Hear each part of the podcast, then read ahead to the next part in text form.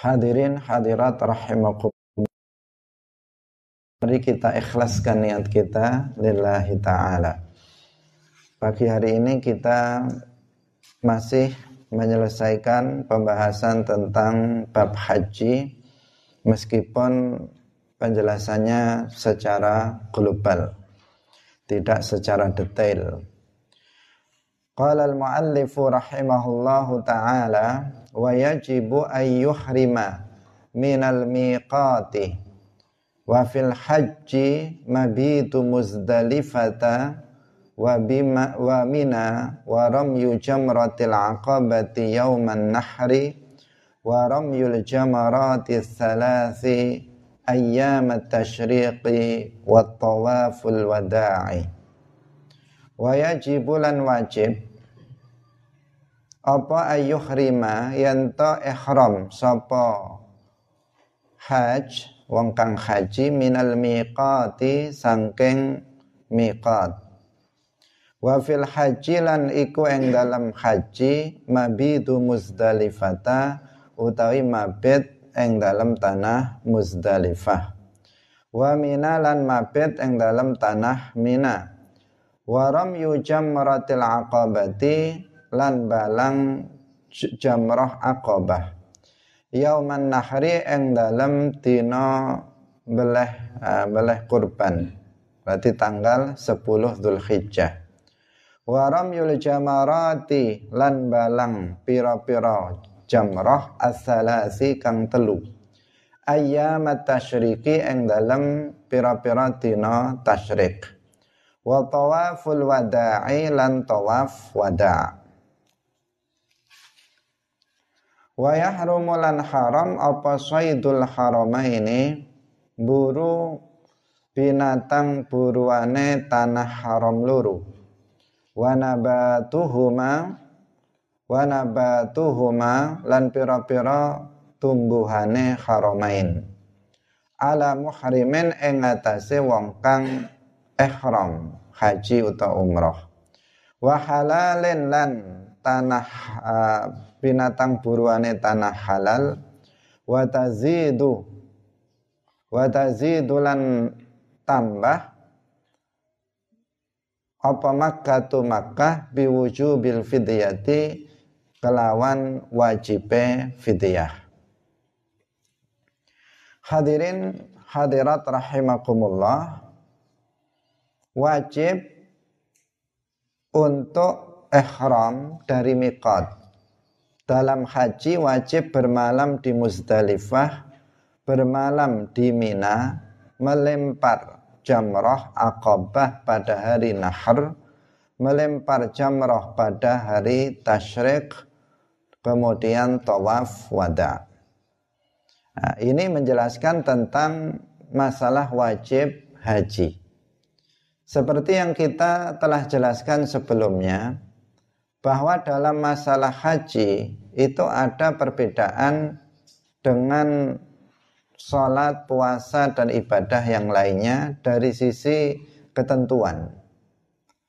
Kalau dalam sholat, fardu haji itu ya rukun haji. Rukun haji, fardu haji, uh, fardu haji itu yang wajib itu.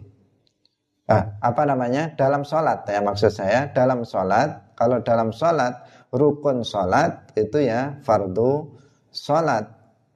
Tetapi kalau dalam haji itu dibedakan antara antara rukun haji dan wajib haji itu berbeda. Perbedaannya apa?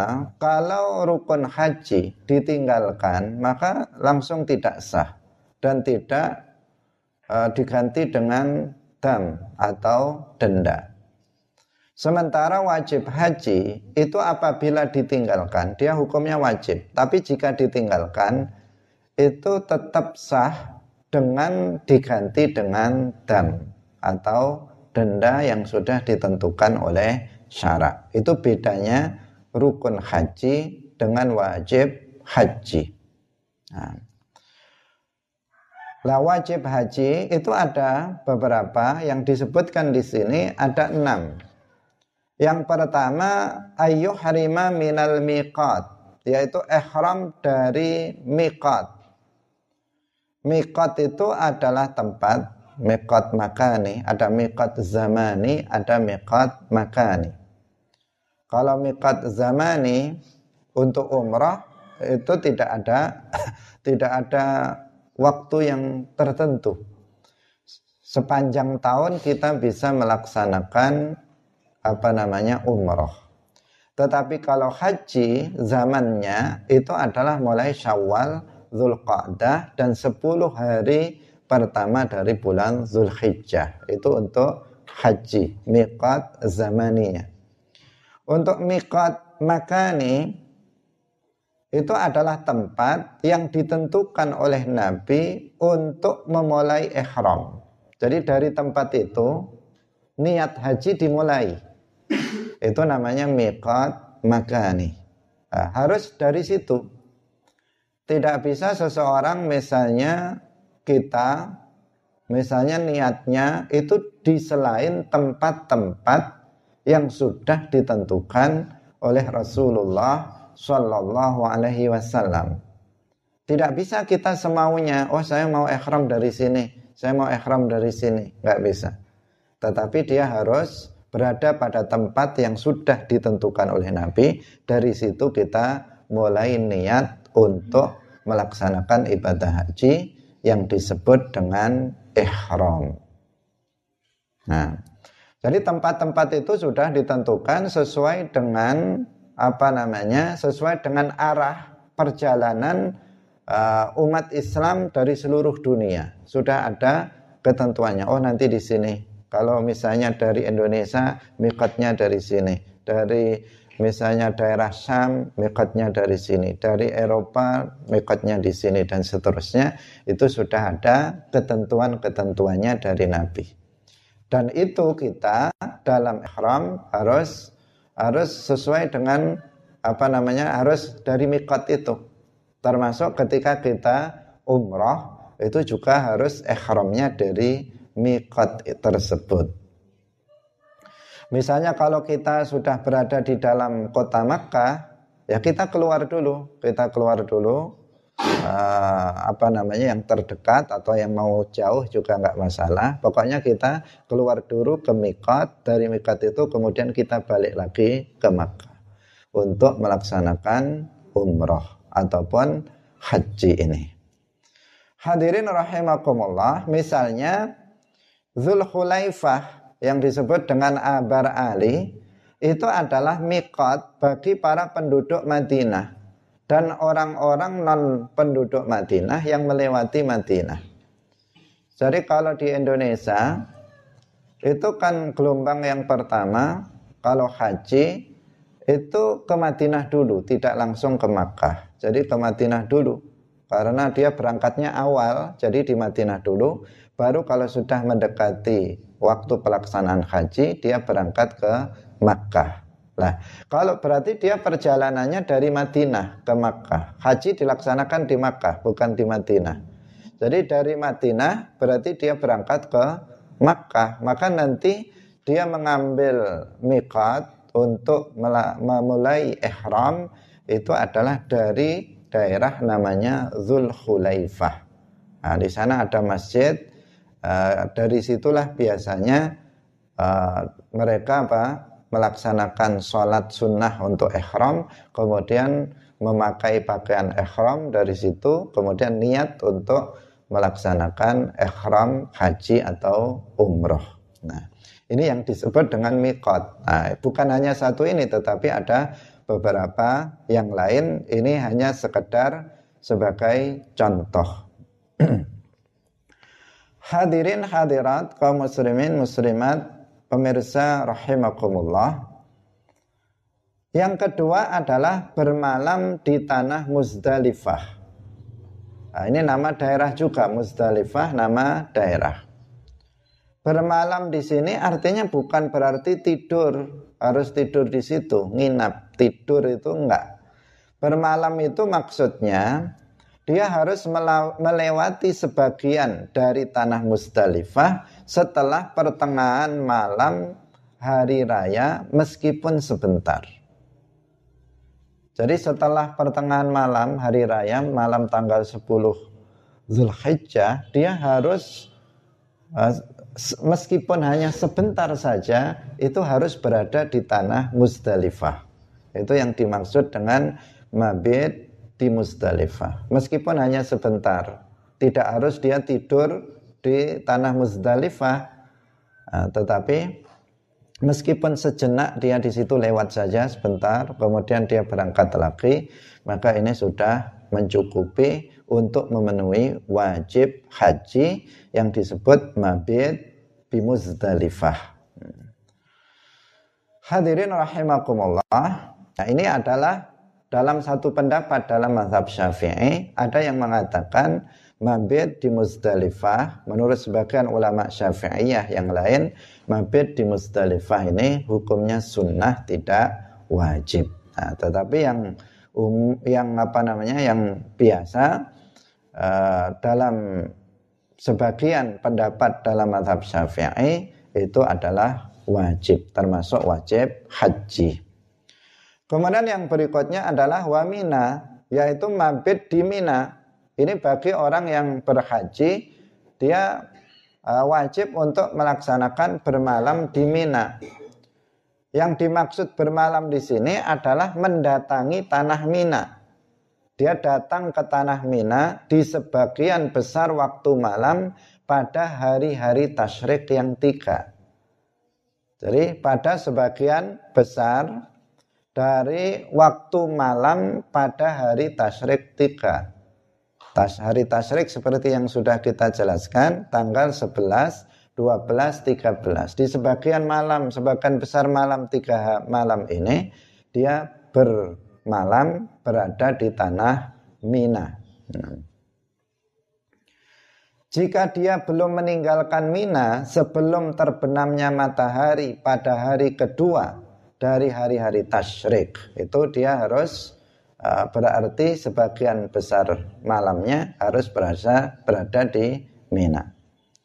Tetapi jika tidak atau jika tidak telah meninggalkan Mina pada waktu tersebut, pada waktu hari kedua dari hari tasyrik, maka gugur darinya bermalam di hari ketiga. Berarti cuman apa namanya bermalam di dua malam hari eh, apa namanya di Mina, bermalam di Mina.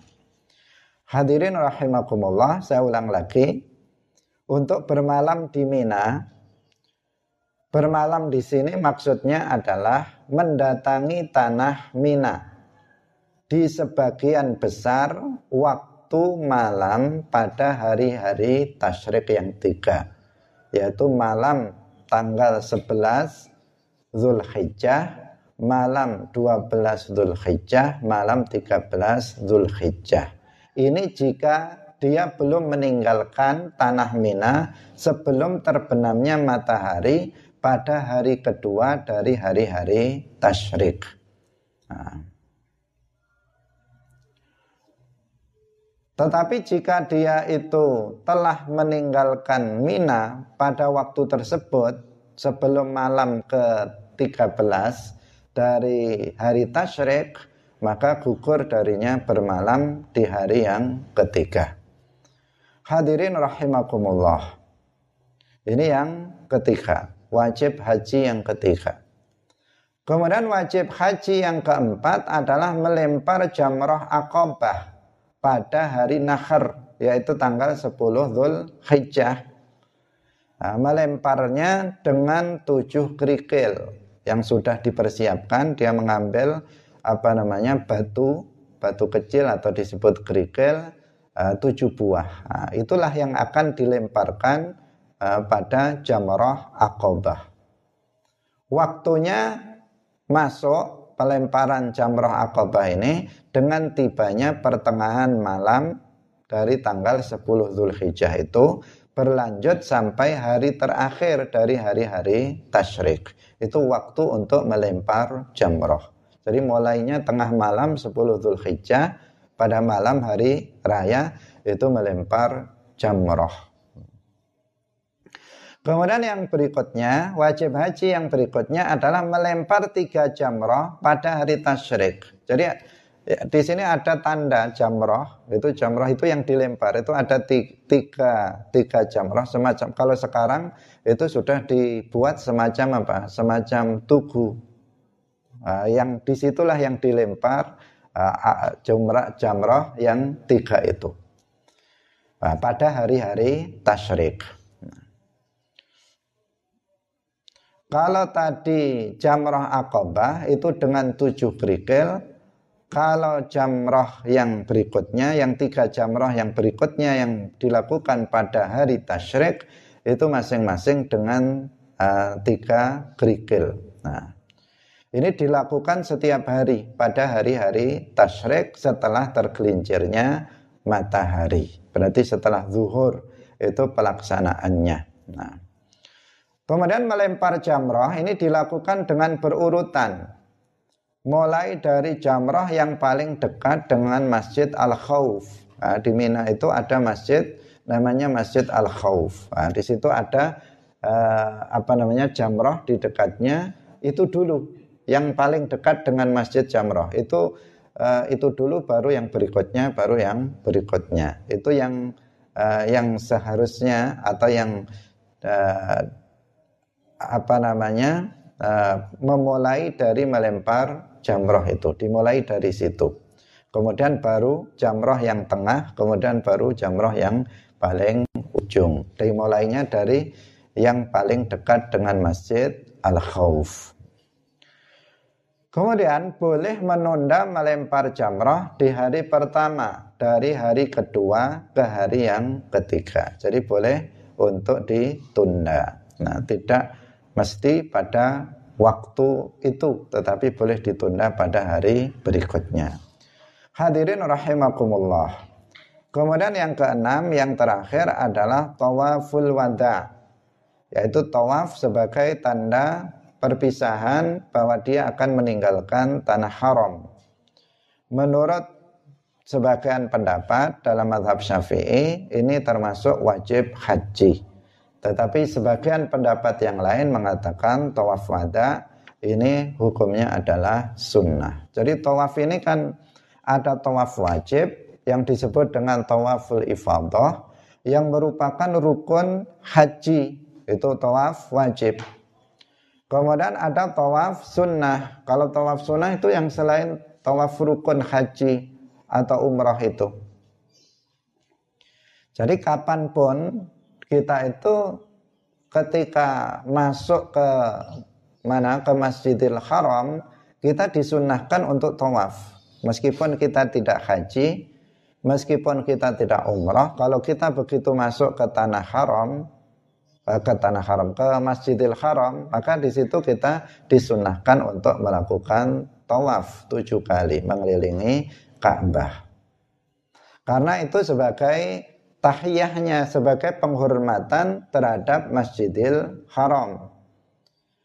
Kalau kita di selain Masjidil Haram masuk ke dalam masjid, maka kita melakukan sholat sunnah tahiyat al masjid nah, sebagai penghormatan terhadap masjid. Nah, berbeda halnya kalau kita masuk ke Masjidil Haram, bukan sholat sunnah tahiyat al masjid, tetapi kita melaksanakan tawaf yang yang disebut dengan tawaf sunnah itu tadi nah, disunahkan untuk melakukan itu. Nah, ada di antara tawaf sunnah itu yang disebut dengan tawaful wada, yaitu tawaf terakhir ketika sebelum seseorang itu meninggalkan Makkah. Jadi misalnya hari ini mau pulang ke Indonesia, maka dia kemudian melaksanakan tawaf. Tawaf wada karena setelah itu dia sudah nggak nggak lagi melakukan tawaf lagi. Maka dia melakukan tawaful wada sebagai perpisahan karena dia akan meninggalkan misalnya Makkah.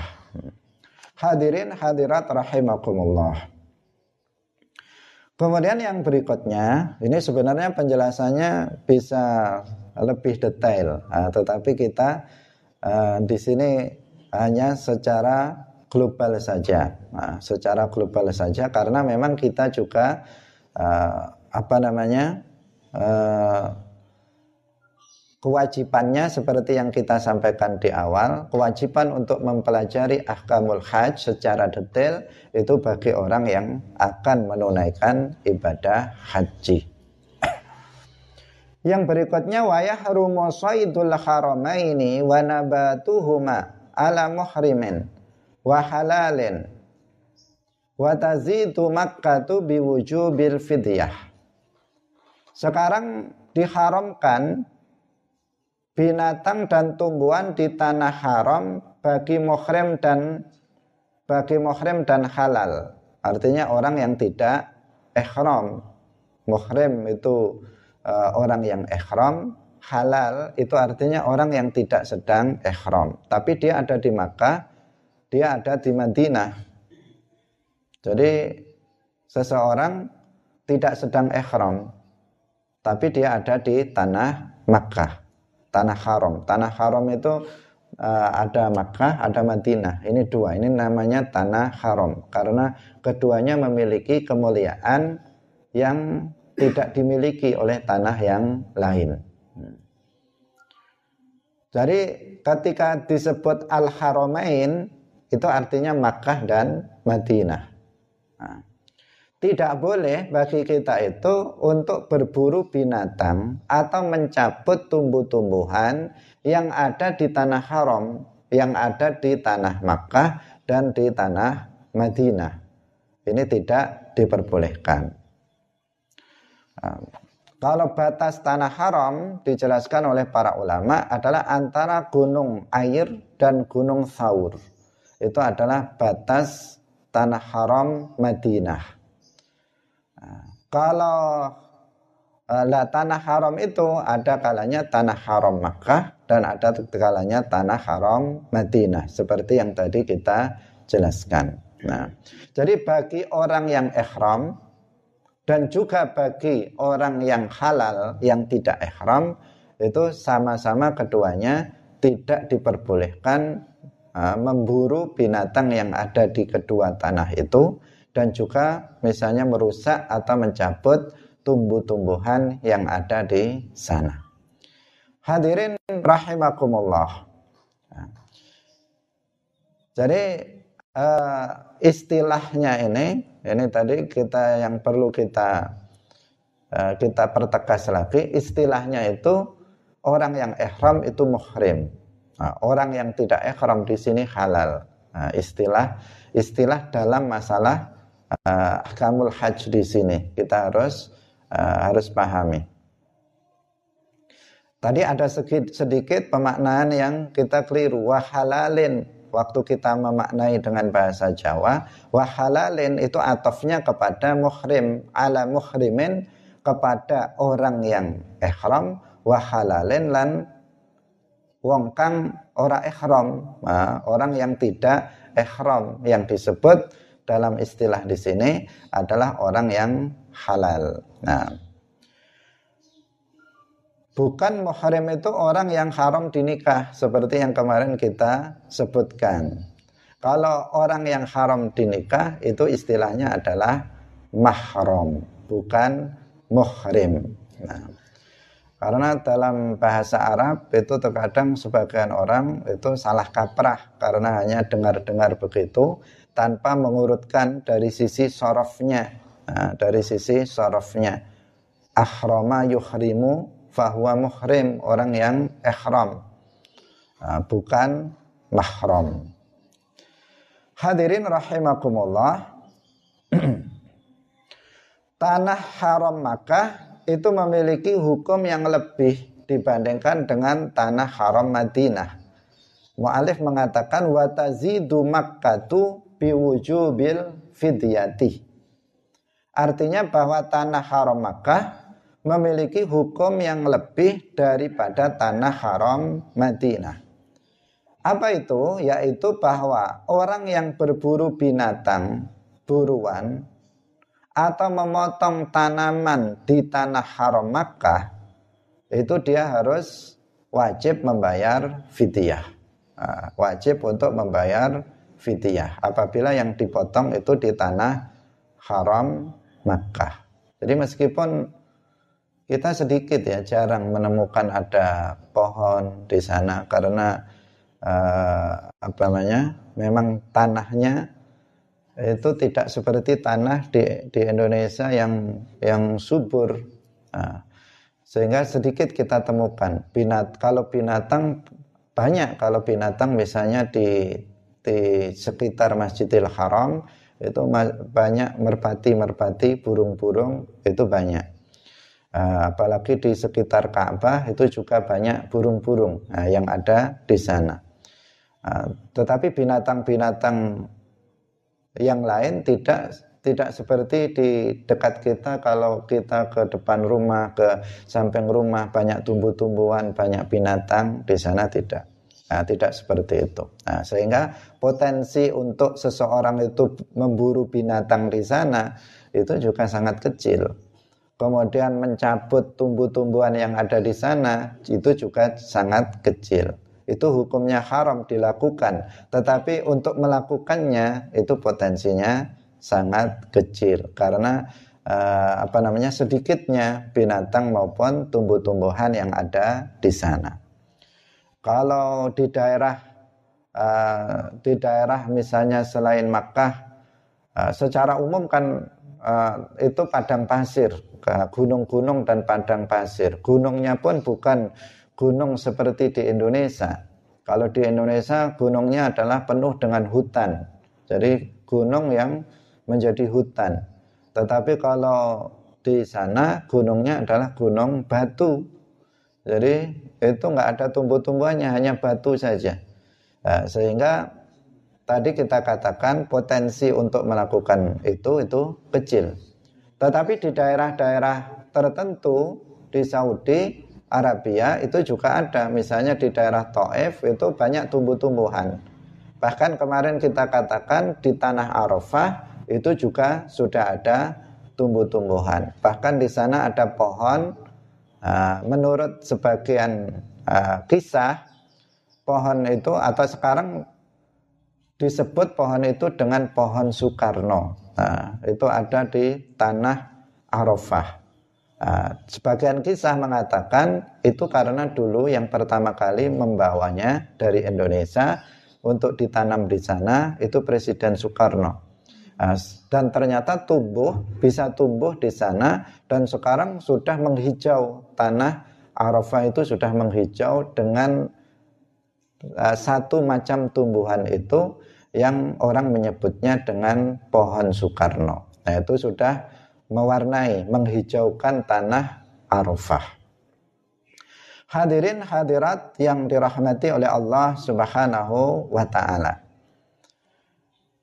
Kemudian ada hal penting yang perlu kita uh, tambahkan. Ini bab tentang haji sudah selesai, tetapi ada hal penting yang perlu kita tambahkan yaitu seputar ziarah ke makam Rasulullah ziarah ke makam Rasulullah. Karena kalau seseorang itu haji atau umrah, maka pasti kita tidak melewatkan untuk berziarah ke makam Rasulullah Shallallahu Alaihi Wasallam yang ada di Madinah. Karena Rasulullah Shallallahu Alaihi Wasallam bersabda, "Man zara qabri wajabat lahu syafaati." Barang siapa yang berziarah ke kuburanku, maka wajib baginya untuk mendapatkan syafaatku. Maka sangat rugi apabila seseorang berkunjung uh, ziarah ke sana, ke Makkah Madinah untuk haji atau umrah atau untuk yang lainnya, kalau tidak berziarah ke makam Rasulullah Shallallahu Alaihi Wasallam. Karena berdasarkan hadis tadi yang diriwayatkan oleh uh, di antaranya As-Subki kemudian dinilai sebagai hadis hasan oleh beliau dan juga oleh Al-Hafidh Al-Ala'i. Nah, orang yang berziarah ke sana maka akan mendapatkan syafaat Rasulullah dan orang seperti kita yang banyak melakukan dosa itu membutuhkan syafaat. Karena syafaat itu memang diperuntukkan untuk orang Islam pelaku dosa besar. Dalam hadis disebutkan syafaati li ahli kabairi min ummati. Syafaatku itu untuk para pelaku dosa besar dari umatku. Nah kita berarti sangat membutuhkan syafaat Rasulullah Shallallahu Alaihi Wasallam. Syafaat itu artinya Rasulullah meminta kepada Allah digugurkannya azab neraka atau diringankannya azab neraka untuk para pelaku dosa besar dari umat Islam. Secara lahiriah jika kita ini jika seseorang itu mati dalam keadaan sebagai muslim pelaku dosa besar, maka dia yastahiqul azab, dia berhak untuk diazab di dalam neraka. Tetapi dia bisa tidak diazab di dalam neraka jika Rasulullah memberikan syafaat. Rasulullah berdoa kepada Allah, ya Allah, lepaskanlah azab dari si fulan. Nah, akhirnya apa? Yang semestinya dia masuk ke dalam neraka, nggak jadi masuk ke dalam neraka. Itu namanya syafaat. Atau seseorang sudah masuk ke dalam neraka. Kemudian Rasulullah berdoa. Ya Allah, uh, lepaskanlah dia dari azab neraka. Maka yang seharusnya misalnya dia di sana 100 tahun menjadi tidak sampai menjadi beberapa tahun saja kemudian dilepaskan. Menjadi beberapa saat saja kemudian dilepaskan karena apa? Syafaat Rasulullah Shallallahu alaihi wasallam. Para nabi bisa memberikan syafaat. Rasulullah bisa memberikan syafaat. Para aulia, para salihin bisa memberikan syafaat kepada yang lainnya. Kepada orang Islam pelaku dosa besar. Kalau orang kafir itu tidak bisa mendapatkan syafaat. Dalam Al-Quran disebutkan wala yashfa'una illa limanir Mereka tidak memberikan syafaat kecuali orang-orang yang memperoleh ridha Allah yaitu orang-orang Islam. Jadi orang Islam yang melakukan dosa besar. Kalau orang Islam yang soleh, mereka masuk surga tidak memerlukan syafaat. Yang perlu syafaat itu orang-orang Islam pelaku dosa besar. Mati belum taubat ini yang membutuhkan syafaat agar dia bisa terlepas dari azab neraka. Nah, maka syafaat ini sangat penting sekali bagi kita sangat penting, sangat apa namanya diperlukan untuk menyelamatkan diri kita nanti di akhirat. Nah, salah satu cara agar kita itu mendapatkan syafaat Rasulullah adalah dengan kita berziarah ke makam Rasulullah. Nah, meskipun sekarang ketika kita berziarah ke makam Rasulullah tidak tidak bisa leluasa untuk berdoa, tidak leluasa kita untuk beristighosah dengan Nabi, tidak leluasa untuk bertawassul dengan Nabi, tidak leluasa untuk bertabarruk dengan Nabi. Karena di sana sudah dijaga oleh polisi karena Makkah Madinah hari ini dikuasai oleh kaum Wahabi. Sehingga ziarah ke makam apakah itu ke makam Ma'la yang ada di Makkah ataupun ke makam uh, Baqi yang ada di Madinah yang di sana dimakamkan para sahabat sahabat Rasulullah, para keluarga Nabi. Itu kita nggak leluasa lagi karena di sana apa? Ada polisi, tentara, ada bagian yang menurut mereka adalah kisem nahi mungkar bagian untuk nahi mungkar itu yang menghalang-halangi kita. Nah, kita berziarah itu cukup berjalan saja menurut mereka berjalan. Kalau terlihat kita misalnya berdiri atau duduk mengacungkan tangan seperti ini maka langsung didatangi dilarang oleh mereka. Nah sehingga tidak leluasa. Karena mereka berpaham Wahabi yang anti tabarruk, tawassul dan istighosah dengan Rasulullah Shallallahu Alaihi Wasallam. Nah, tetapi tetap saja kita bisa melakukannya. Ya, tidak misalnya tidak dengan menengadahkan tangan, nah, kan tidak harus seperti itu. Mereka inginnya kalau kita berziarah ke makam Nabi itu hanya mengucapkan salam saja, Assalamualaikum ya Rasulullah, hanya seperti itu saja yang boleh.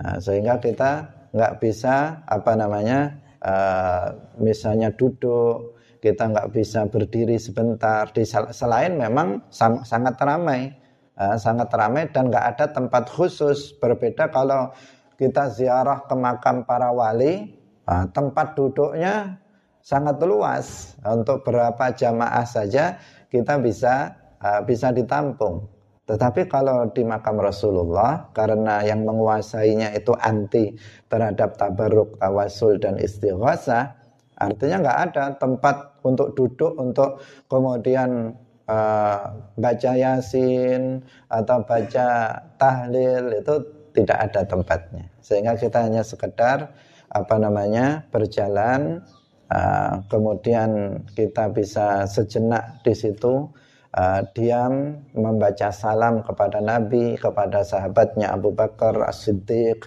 kepada sahabatnya Umar bin Al-Khattab, Uh, kemudian berdoa untuk kita, uh, untuk keluarga kita dan untuk uh, seluruh yang kita sayangi itu bisa dilakukan di situ dengan tabaruk, tawasul dan istighosah. Jadi ziarah ke makam Rasulullah itu sangat penting bagi kita karena itu setiap kita hendaknya memiliki keinginan memiliki kerinduan dalam hati untuk bisa berziarah ke makam Rasulullah. Ah, secara khusus berziarah bisa berziarah ke makam Rasulullah Shallallahu Alaihi Wasallam yang ada di Madinah di dalam Masjid Nabawi. Makam Rasulullah ada di Masjid Nabawi. Nah, di bawah uh, kubah khadra. Ini kubah khadra namanya kubah yang berwarna hijau karena Masjid Nabawi itu kubahnya banyak, warnanya putih, ada satu yang berwarna hijau ini. Al-Qubbatul Khadra. Di bawahnya ada Ar-Raudah, uh, Ar-Raudah yang disebut uh, Raudah min Riyadil Jannah. Uh, apa namanya? Tanah di dalam masjid itu yang merupakan taman surga yang nanti pada hari kiamat bagian itu akan di apa namanya akan dibawa ke dalam surga. Uh, Raudhah itu orang berebut untuk bisa melaksanakan sholat di situ. Nggak pernah sepi. Kita datang jam 3 malam sudah antri. Nggak bisa kita langsung masuk ke dalam Raudhah itu tidak bisa. Raudhah di samping makam Nabi. Di samping makam Rasulullah sallallahu alaihi wasallam yaitu antara mimbar Rasulullah dan makam Rasulullah Shallallahu Alaihi Wasallam. Di situ raudhah orang berebut untuk bisa sholat di tempat itu, tempat yang mubarak, yang penuh dengan keberkahan. Nah, nah di situ kalau kita bisa masuk di situ, uh, kita bisa lebih tenang, uh, meskipun juga tit, uh, apa namanya sulit juga kalau kebetulan kita mendapatkan tempat yang enak maka kita bisa melaksanakan ibadah, sholat, membaca Al-Quran dengan tenang di situ. Tetapi kalau pas rame, sholat saja kita nggak bisa berdiri saja mau ruko, mau sujud, itu sudah di depan kita ada orang, nggak ada jeda, ah, nggak ada jeda untuk ruko, untuk sujud kesulitan. Sebagian orang sampai kemudian uh, arah kiblatnya melenceng karena dia tidak bisa ruku ataupun sujud. Nah, itu karena saking padatnya. Tetapi terkadang kita juga bisa mendapatkan tempat yang longgar di situ. Nah, kalau di situ baru kita bisa jenak untuk kalau sudah dapat tempat maka kita bisa jenak untuk beribadah. Tetapi kalau dalam hal berziarah itu kita uh, tidak bisa lama, tetapi kita bisa mengulang-ulangnya Misalnya kita kembali ke sini, misalnya hanya berdoa untuk uh, yang tidak menyeluruh. Nah, kemudian kita masuk lagi dari arah sana, kemudian berziarah lagi. Itu uh, dimungkinkan seperti itu. Hadirin hadirat yang dirahmati oleh Allah, berziarah ke makam Rasulullah adalah perkara yang disunnahkan berdasarkan ijma kesepakatan semua umat Islam mengatakan itu boleh baik bagi penduduk Madinah maupun orang yang selain penduduk Madinah termasuk orang Indonesia kalau berniat langsung dari rumah saya pengen berziarah ke makam Rasulullah maka ini apa ini diperbolehkan dan disunnahkan. Nah, meskipun tadi kondisinya seperti itu, nah, tidak semua orang yang bisa masuk uh, ke dalam makam Rasulullah Shallallahu Alaihi Wasallam. Nah, orang Indonesia kemarin Pak Presiden Jokowi yang pernah luar biasa mendapatkan apa uh, anugerah yang luar biasa bisa diberikan kesempatan uh, hujrah syarifah dibukakan untuk beliau, beliau bisa masuk ke dalam uh, di dekat kuburan Rasulullah. Itu sesuatu yang luar biasa, yang tidak semua orang bisa untuk kemudian mendekat ke makam Rasulullah Shallallahu Alaihi Wasallam. Bahkan beliau juga dipersilahkan masuk ke dalam Ka'bah. Kalau kita mendekat ke untuk mencium hajar aswad itu kesulitan, beliau justru bisa masuk ke dalam Ka'bah. Nah, hadirin hadirat rahimakumullah. Jadi berziarah ke makam Rasulullah hukumnya sunnah. Maka kita harus mewaspadai pendapat dari kelompok Wahabi pengikut Ibnu Taimiyah. Ibnu Taimiyah di antara kesesatannya dia mengharamkan melakukan safar, melakukan perjalanan jauh untuk tujuannya berziarah ke makam Nabi. Apalagi melakukan safar untuk berziarah wali songo. Lebih fatal lagi menurut Ibnu Taimiyah. Orang-orang Wahabi dari Indonesia, misalnya kita berniat saya pengen ziarah ke makam Nabi, kemudian kita melakukan perjalanan jauh ke sana, tujuannya untuk ziarah ke makam Nabi, itu kata orang Wahabi, itu haram, tidak boleh menjamak dan mengkosor sholat. Karena safarnya safar yang diharamkan. Nah, alasan mereka sebuah hadis yang dimaknai secara keliru la tushaddur rihal illa ila thalathi masajid. Nah, mereka memaknai itu tidak boleh seseorang itu melakukan perjalanan jauh uh, kecuali ketiga masjid yaitu Al Masjidil Haram, kemudian Masjid Nabawi dan Masjidil Aqsa. Mereka memaknai hadis itu bahwa nggak boleh berziarah ke, ke ke selain atau tidak boleh melakukan perjalanan jauh selain kepada tiga masjid ini. Kata mereka. Nah, karena itu kalau melakukan perjalanan jauh untuk berziarah ke makam Nabi itu hukumnya haram menurut mereka. Jadi seharusnya apa namanya perjalanannya itu niatnya adalah ke Masjid Nabawi baru nanti mampir ke makam Nabi. Itu menurut mereka seperti itu. Nah, ini sesuatu yang tidak benar karena hadis itu itu berbicara tentang masalah sholat. Bahwasanya tidak tidak seyukianya seseorang itu melakukan perjalanan jauh untuk sholat kecuali pada tiga masjid ini. Itu pun tidak menunjukkan haram ya, tidak menunjukkan haram. Tetapi tidak se seyukianya seseorang itu melakukan perjalanan jauh untuk sholat kecuali ketiga masjid ini. Saya mau sholat zuhur di Istiqlal, misalnya. Saya pengen sholat zuhur di Masjid Ampel. Saya pengen sholat, sholat asar di Masjid Agung Surabaya. Nah, tidak seyogyanya. Kenapa? Pahalanya sama saja. Kita sholat di Istiqlal dengan sholat di Masjid Kediri ini sama. Kita sholat di Masjid Ampel dengan sholat di uh, Masjid Jati ini sama pahalanya, nggak ada perbedaannya. Karena itu kenapa uh, kenapa kita susah-susah kalau memang pahalanya sama. Kecuali kalau kita mau rekreasi, monggo mau rekreasi kita lihat-lihat masjid-masjid bangunannya. Tapi kalau untuk sholat tidak seyogianya, bukan berarti nggak boleh, tetapi kalau mau mencari untuk tambahan pahala, ya kalau mau ke masjid, ya ketika masjid ini, yaitu Masjidil Haram. Karena kalau kita sholat di Masjidil Haram, itu pahalanya dilipat gandakan sampai 100 ribu kali lipat. Kita sholat zuhur di Masjidil Haram, pahalanya dilipatkan 100 ribu kali lipat. Kalau ke Masjid Nabawi, pahalanya dilipat gandakan sampai seribu kali lipat. Ke Masjidil Aqsa di Palestina, pahalanya dilipat gandakan 500 kali lipat. Maka kalau kita apa namanya bersusah-susah untuk melakukan perjalanan ke sana biar bisa sholat di sana